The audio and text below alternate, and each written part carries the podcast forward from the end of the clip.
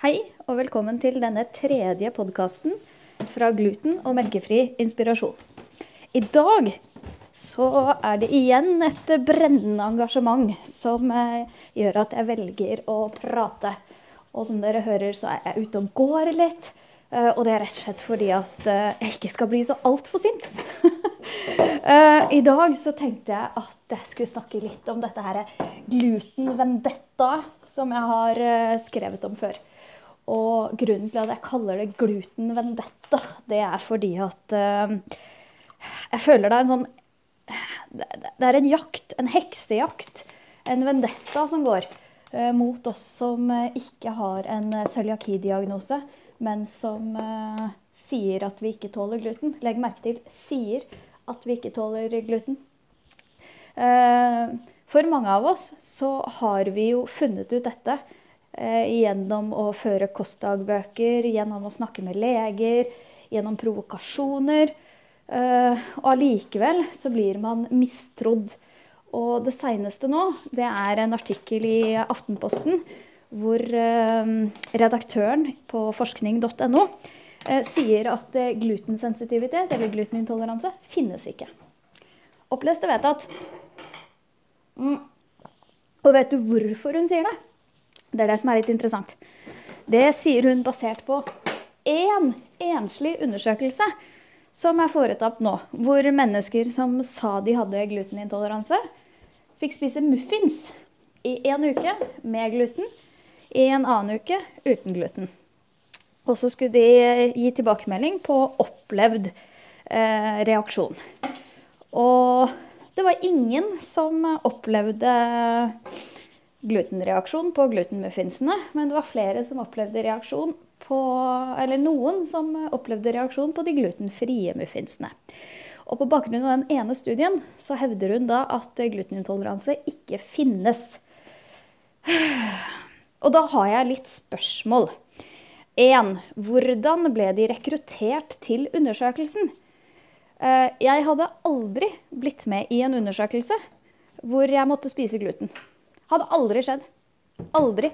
Fordi jeg blir så dårlig av eh, litt smuler på kjøkkenbenken eller litt eh, dårlig hygiene eh, på restauranten at å få meg til å spise gluten mm -mm, hadde aldri skjedd. Eh, punkt to. I hvilken grad eh, hadde de glutenintoleranse? Altså i hvilken grad opplevde de selv å være intolerante? Var det litt mageknip? Eh, var det mm, Unnskyld, jeg måtte bare drikke litt. Eh, altså, rett og slett, hvilken eh, grad av intoleranse opplevde de selv å ha? Var det litt mageknip? Var det diaré? Var det utmattelsessymptomer? Leddsmerter? Altså, hva var det eh, som var symptomene til de som deltok? Eh, og hvilke eventuelt andre tilleggsdiagnoser Ingenting av dette kommer frem i den artikkelen som står på aftenposten.no i dag. Og det syns jeg er litt interessant, for hvordan kan man da hevde at glutenintoleranse ikke finnes? Eh, Jeg antar det er ganske mange, flere enn meg, som aldri ville spist gluten frivillig. Eh, Og hvem har takket nei til å delta i undersøkelsen? Det er også veldig interessant. Eh, Undersøkelsen, eller Artikkelen på Aftenposten sier heller ingenting om hvor mange som deltok i studien. Eh, Var det ti? Var det 100?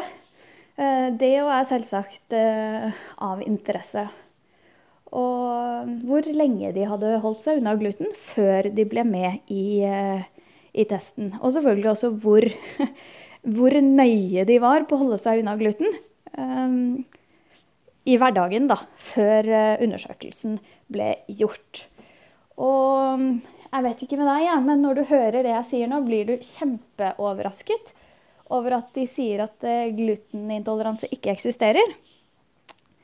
Eller eh, tenker du ja, nei, selvfølgelig, det eksisterer ikke. Det her høres virkelig, virkelig ut som at de har gjort eh, et godt stykke arbeid.